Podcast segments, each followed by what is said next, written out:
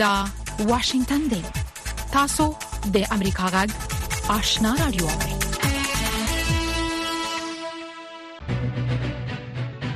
درنو اوریدونکو ستړي مشئ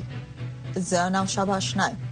تاسو په روانه خبرونه کې د سیمه او نړۍ په اړه رپورټونه هم اورئ خو لمړی پام وکړئ د سیمه او نړۍ خبرونه ته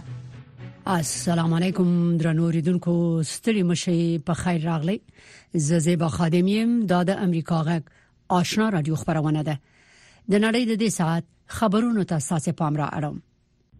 د طالبانو د کورنۍ چارو وزارت ویلي دی چې د نیمروز د ولایت په مقام کې په چاودنه کې درې تنه زخمی شوي دي او انتحار کوونکي وژل شوی دی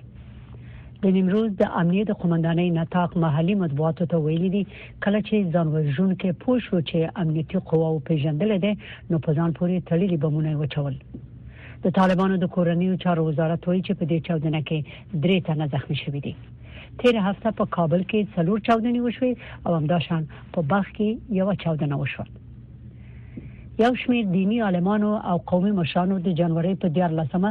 د جنکو د ښوونځیو او پوهنتونونو د پرانیستلو غوښتنه کړې ده.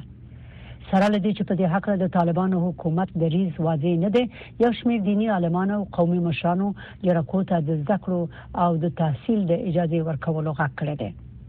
دغو دیني عالمانو او قومي مشرانو د جنورۍ په دیارلسمه په سپیدار ماڼۍ کې په غونډه کې دا غوښتنه کړې ده. دا غونډه چې خبریالان ورته وربلل شوي وو، د ملت او نظام ترمنځ د اړیکو د ټینګښت په هکله د عالمانو او قومي مشرانو د ونډې په نوم جوړه شوې وه د غونډې ته چې د افغانستان د ټولو زونونو نه 200 دینی عالمان او قومي مشران ورغښتل شوی وو د طالبانو د حکومت لوړپوړو مسولینو هم پکې ګډون کړی وو د طالبانو د حکومت د امر بالمعروف نهي عن المنکر د وزارت سرپرست محمد خالد حنفي د بدحجابۍ په تور د خزو او جنکو د نیولو په حق له د یوناما تازه راپورټ یو اړخیز بللې او د ملګرو ملتونو دغه ادارې ته خبرداري ورکړې ده چې په آینده کې د دغه سي یو اړخیز راپورټونو د خبرولو نه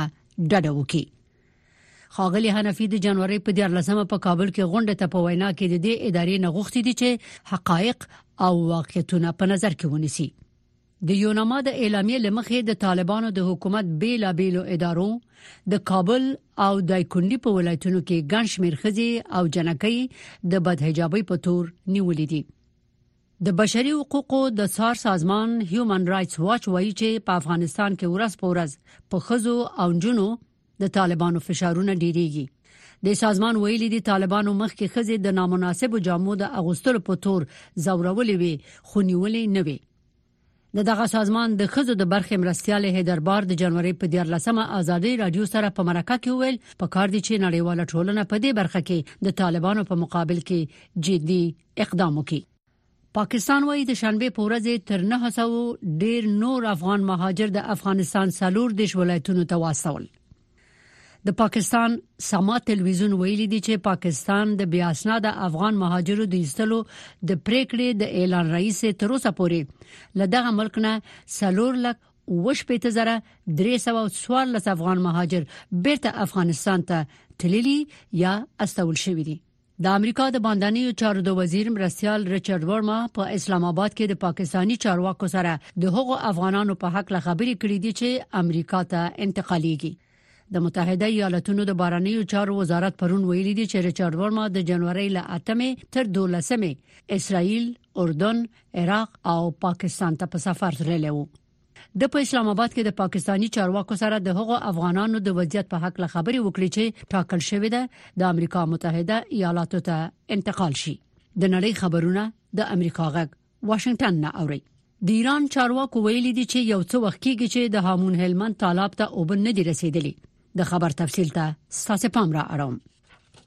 د ایران د سیستان بلوچستان د ولایت د چاپیریال ساتنې د ادارې سرپرست محمد رضا علي مرادي ویلي دي چې د افغانستان د نیمروز په ولایت کې د کمال خان د بند جوړېدو د کار تر بشپړېدو وروسته تر اوسه د سیستان د سیمې او د هامون تالاب ته هیڅ اوبه نه دي رسیدلې محمد رضا علي مرادي د ایران د دولتي خبري اژانس ایرینا سره په مرکه کې ویلي نږدې دوه کاله مخکې په افغانستان کې د اوبو په جریان کې بدلون راغی د هلمند سیند اوبه د افغانستان د ګودزره سیمې ته واړول شوې خو د هامون تالاب ته اوبه ونه رسیدې د ویلي دی په حقیقت کې ایران په دغه موده کې خپل حقابه نه ترلاسه کړې ښاغلي علي مرادي ټینګار کړی چې د طالبانو چارواکو ژمنه کړې چې د اورښت د خوالی په صورت کې د هلمند د سیند په اوبو کې د ایران حقابه خوندي ده غورځنګ د امریکا غږ واشنگټن د ترکیې د دفاع وزارت ویلي دی چې د سوریې او عراق په شمال کې په کوردي وسلوالو 25 هوایي بریدونه کړي دي د دې وزارت په خبرپاڼه کې ویل شوی دی چې په دغو بریدونو کې څو تنه کوردي وسلوال وژل شوی دي پناځایونه او وسلتونونه هم ویجاړ شوی دي د جمعې په ورځ نه ترکی عسكر د عراق په شمال کې د کوردستان د پی کې کې د ګوند غړو سره په نخته کې وژل شوی دي د فرانسې د بارنیو چارو نوې ټاکل شوی وزیر سټيفان سيجروني د شنبه په ورځ یو ور بیا ټینګار کړی دی چې پاریس د اوکرين ملاتړ کوي سجرونی دا خبرې د اوکراین پایتخت کیف ته په خپل لومړني رسمي سفر کې کړې دي د اسرایل پوز او فلسطینی منابعو د جنوري په 14مه ویلي دي چې اسرایلی قواو د حماس د ډلې د دویم لوړ رتبه غړي صالح العروري دوه خويندې نیولې العروري د روانې میاشتې په پیل کې په لبنان کې د اسرایل په یو برید کې ووژل شو د اسراییل پوځ د جزیاتو د ورکولو پرته ویلي دي چې دا دوه خویندې یې د اردن د سیند په لویدیځه غاړه کې هغه وخت ونیولې چې د اسراییل په ضد یې دهشتګر هڅول. د صالح العروري د خور مېړه انور العروري ویلي چې دغه دوه ښځې او د هغوی د کورنۍ څو نور غړي یې له کوم رسمي تور او محاکمې پرته تر نامعلومې مودې پورې په توقیف کې ساتلي دي. د شنبې په ورځ د جنوري په 14مه د فلسطینیانو زرګونه پلوي اعتراض کوونکي د لندن او واشنگټن واټونو ته ووتل او په غزا کې د فوري اوربند غوښتنه وکړه مظاهره چانو د عمل د نړیوال ورځې په نوم د دې لپاره مظاهره وکړي چې په غزا کې د فوري اوربند شي او له اسرایل سره د برتانیې او د امریکا ملاتړ بند شي په واشنگټن ډي سي کې مظاهره چانو چې ډېر ځوانانو د متحده ایالاتو په جمهور رئیس باندې غږ وکړ چې د اسرایل سره د پوزي او مالی ملاتړ نه لاس واخلي زیبا خادم امریکا غږ واشنگټن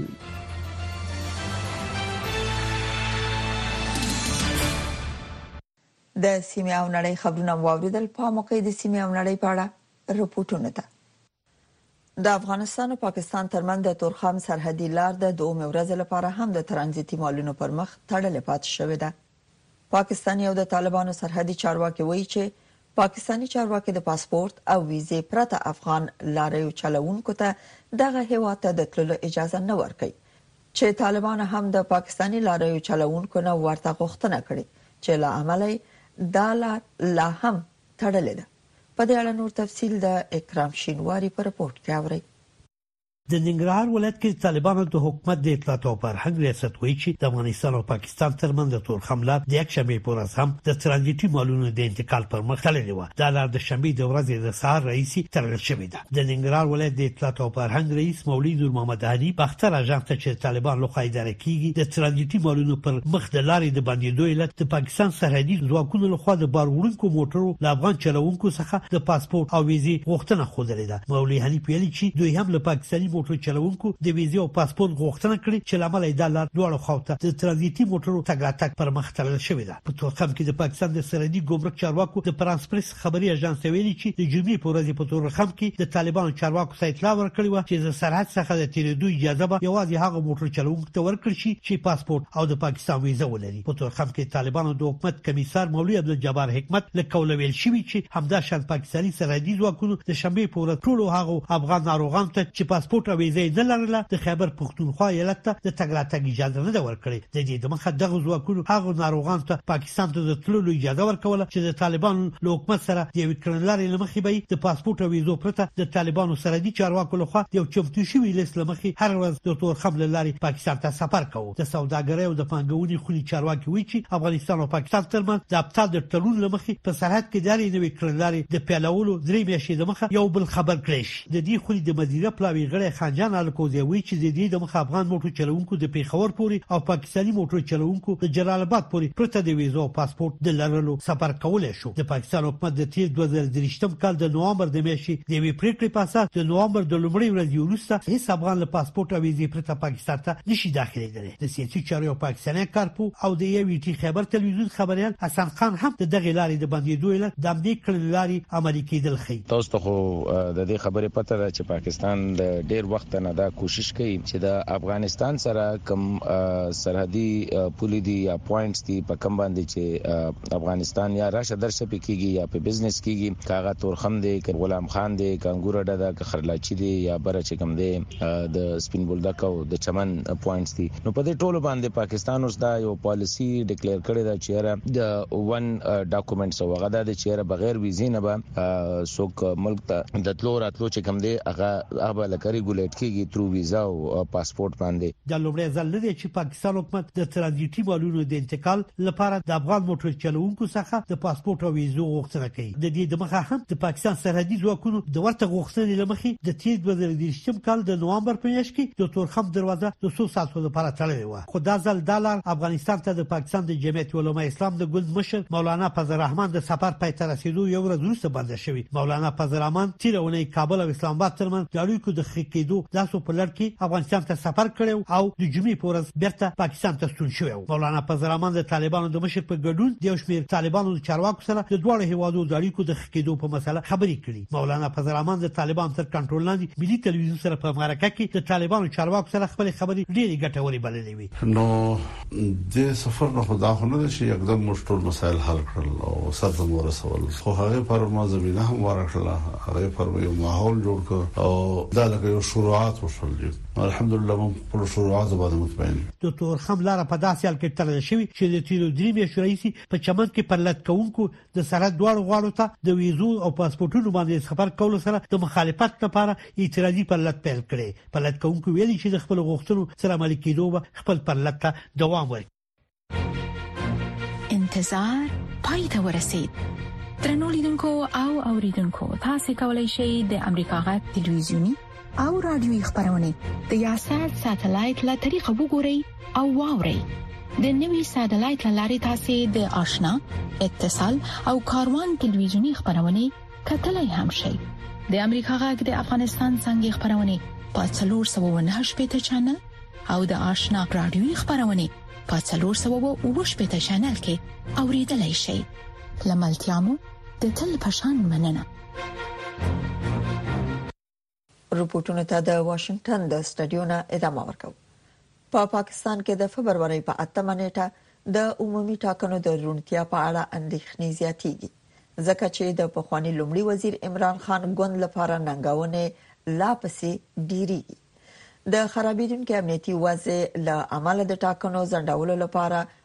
غوښتنو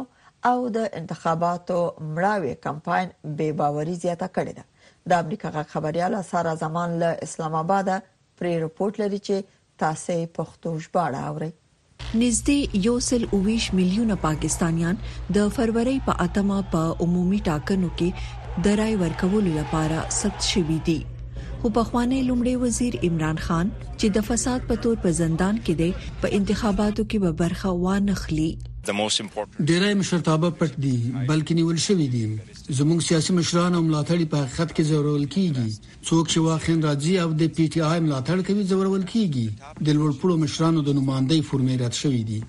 د هیواد د بشري حقوقو خپلواک کمیسیون وايي ټاکنې به آزادې، عادلانه او باور وړ نه وي خو ځینې باور کوي چې دا لا ډیر وخت دی چې ټول انتخابات د غیر عادلانه وبلل شي درې زره لری کړل شوی په خوانی لومړی وزیر د نواز شریف ګوند د اسټابلیشمنت یا اپاوس د خوخي وړ ګوند ګڼل کیږي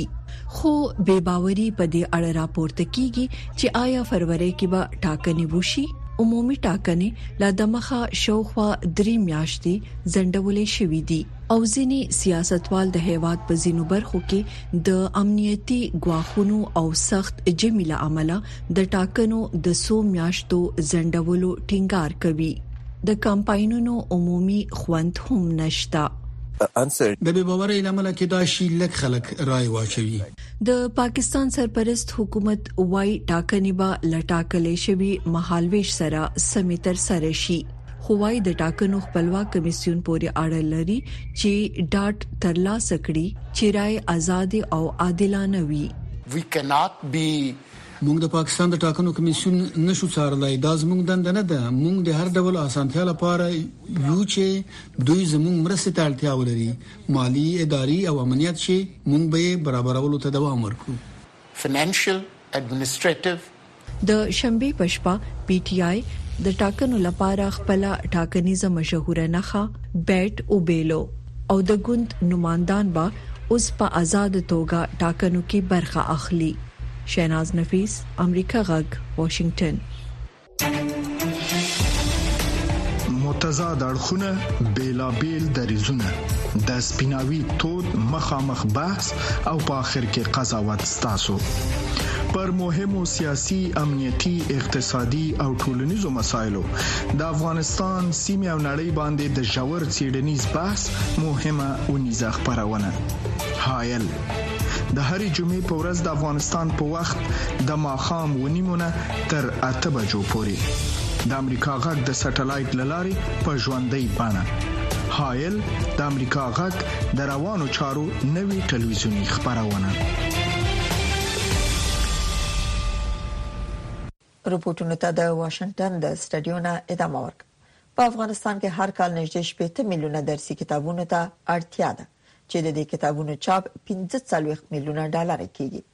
په ښوونځیو کې د درسي کتابونو د کمي ستونزه له پخوا شتون لري، خو طالب چارواکي وایي چې د معارف مطبع د دې جوګه ده چې ټول درسي کتابونه چاپ کړي، خو دا چې طالبان د دې ستونزې د حل توان او تکل لري که نه، نور حال د شمس آرین په رپورټ کې. په افغانستان کې د درسي کتابونو ستونزه له کلونو راهیسې دوام لري. د زده کوونکو د پرله پسې شکایتونو سره سره بیا هم دا ستونزه پر ځای پاته ده. که څه هم هر کال د زده کوونکو لپاره نږدې د شپېته میلیونو کتابونو چاپ اړین دی، خو بل لور ته د دغو کتابونو لګښت چې پنځه څلوېښت میلیونه ډالره کېږي، لویه ننګونه ګڼل کېږي. د معرف د کتاب ستونزه ځکه نه حل کیږي اول خو تمویل ډیر زیات ضرورت لري یعنی تقریبا په کال کې تر 40 45 میلیون ډالر ته ضرورت ده ما سی والدینه وخت ډیر نسی تر یو کال ډیر وخت د کتاب چاپ نسی دا که ژمنه او تعهد او تمویل وجود ولري او په خپل وخت را نسی بیا هم شاګرد ته کتاب په مشکل رسیږي د لږو کتابونو چاپ او پر وخت د کتابونو نه رسول زده کوونکي دې ته مجبور کړي دي تر څو په ټولګیو کې پر یوه کتاب څو تنه راټول سي که څه هم یو لوري ته طالبان د پوهنې وزارت پخوانی نصاب ناسم ګڼي او تر اوسه ځانګړي پایلې ته نه دي رسېدلي خو بل لور ته وایي چې د معرف مطبعه اوس د دې توان لري تر څو د پوهنې اړوند ټول کتابونه چاپ کړي اوس د معرف مطبعه امکانات لري او گنجایش لري توان لري چې د معارف کتابونه چې په هر څونه اندازه وي هغه چاپ کړي د معارف مطبعه چې بنسټ یې په دیارلس سوه دېرش لمریز کال کې ایښودل شوی دی دمګړۍ د مسلکي کسانو د کمښت ترڅنګ د ماشینرۍ د ځینو ستونزو سره هم مخ ده ښاغلی ننګ وایي چې د معارف مطبعه دومره توان نه لري چې د کتابونو د چاپ اړتیا پوره کړي د معارف مطبعه دومره ظرفیت نه لري دا د ایران د افسټ د مطبعه ماشینری باندې خپل فعالیتونه پر مخ وړي صرف د معارف د ادارې هغه وثایق او مستندات تر حده چاپوي او یو مقدار شاید د سواد آموزي کتابونه اما نور ظرفیت کم ده د نبراسکا مطبعه ورسره یو ځای سوی و چې هغه هم د معارف ده خو ما فعال نه ده که دا ټولې فعال سي بیا هم د کتاب ستونزه نه سي حل کولای. د درسي کتابونو د کمښت په سبب په خوست کې یوه ډله ځوانانو هڅه پیل کړې ده ترڅو له کورونو درسي کتابونه راټول او ښوونځیو ته وسپاري که څه هم فرهنګي فعالان له کورونو د کتابونو راټولول ښه نه ګڼي خو دغه ځوانان وایي چې د کتابونو راټولولو د اړتیا په سبب همدا کار کوي د خوست فعالو ځوانانو لازمه وګڼله چې هرڅه چې کور په کور کلی په کلی وګرځو د دوی لپاره هغه کتابونه چې خلکو ترې استفاده کړې ده په کورونو کې ساتل شوی له دوی راټول کړو هغه څوک چې کتابونه ته اړتیا لري دوی ته وسپارو د درسي کتابونو د کمښت ترڅنګ په وروستیو کې د مسلکي ښوونکو ځای هم تر ډیره د مدرسو طالبانو نیولی دی ویل کیږي چې ګڼو ملایانو ته پر کورونو او پرته له دې چې کومه دنده دې پر مخ یوسي د ښوونکو معاشات ورکول کیږي د شنونکو په باور دا ډول ستونزې به د افغان زده کوونکو راتلونکی له لویو زیانونو سره مخ کړي شمساریان امریکا ژغ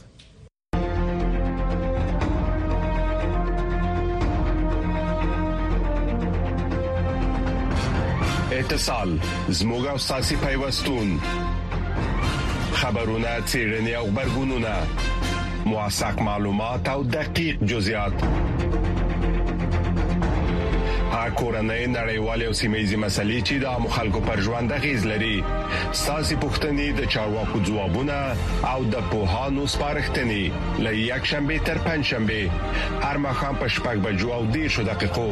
له واشنگټن څخه پر ژوندۍ بڼه د سټلایټ ټلویزیون او ټولنیزو شبکو لاري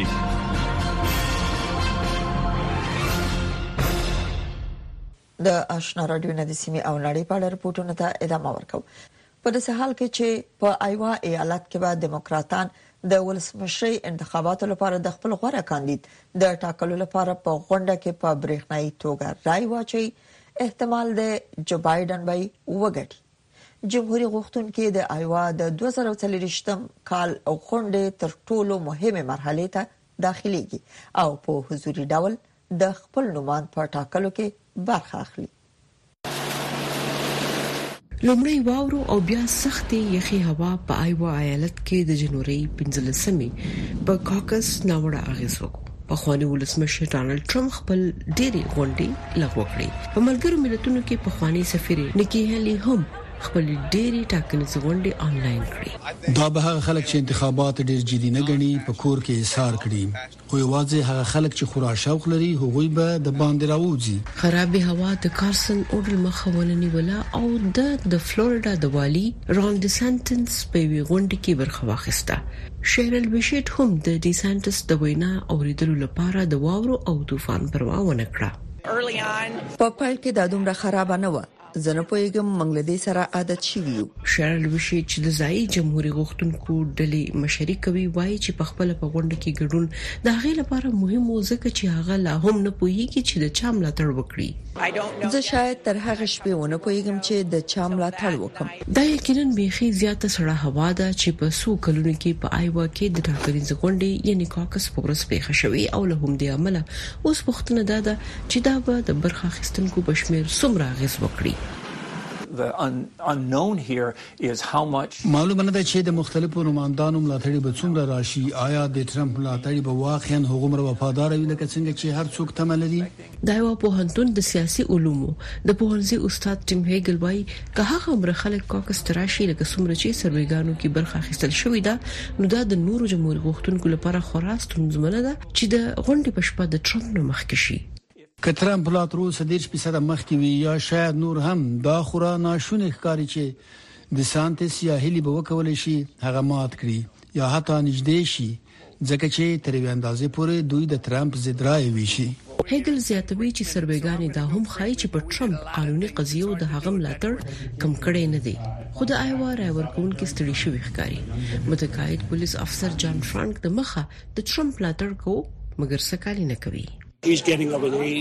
د جو بایدن په څیر دغه عمر هم زیات شوی دی او موږ باید دا په پام کې ونیسو او هغه هیڅ کله په خپل ژوند کې په ځانګړي توګه په سیاسي ژوند کې دا نه دي زده کړی چې خپل خپل بند وساتي فرانک وای چې هغه به ډي سانټس ترای ورکړي موږ ډیری وختونه د کاکس تر شپې پورې پرمختګ وینو هګل وای چې دا کلیدي ده چې د آیوا جمهوري غوښتونکي رای ورکونکي په حضوري توګه د خپلې خوخي نوماند نملاتړ وخایي نظرانه یوسفزۍ امریکا غږ واشنگټن طالبانو د افغانستان له دننه د امریکا غاټ راډیو خبرونه درولې دي خو امریکا غاټ په پوره شمنتیا خپل افغان اوریدونکو ته په پښتو او دری ژبه د کره باوري او هررخیزو خبرونو په خبرولو د افغانستان له بهره په 902 کیلو هرتز منځنوي سپو خپل خبرونه ته دوام ورکړي د دې ترڅنګ تاسو کولای شئ چې زموږ پښتو خبرونه په لاندو چپو هم واورئ پښتو سهارنې خبری خبرونه پر 2290.0 سپو اوریدل شي ما خبرنې پښتو خبرونه په 2140.0 2015.0 9815.0 14590.0 میګا هرتز لاندو چپو اوریدل شي سپینه خبره یا رکو راس خبرونه په لاندو چپو 2015.0 میگا هرتز د نن او وضعیت یا روایت امروز خبرونه په لاندو چپو 2041.0 9915.0 2015.0 او تاسو غږ یا صداي شما خبرونه په لاندو چپو 2015.0 نهه زره درې سوه پنځه پنځوس مېګا هرتز اورېدلای شئ.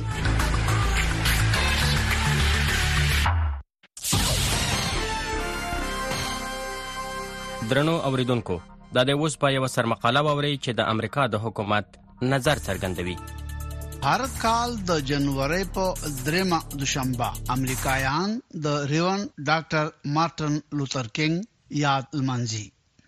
ډاکټر کېنګ یو بپټیست یا بپتسیمه عیسوي مبلغ او د امریکا په متحده ایالاتو کې د نژادي نا انډولۍ پر خلاف د مبارزې یو مشر و.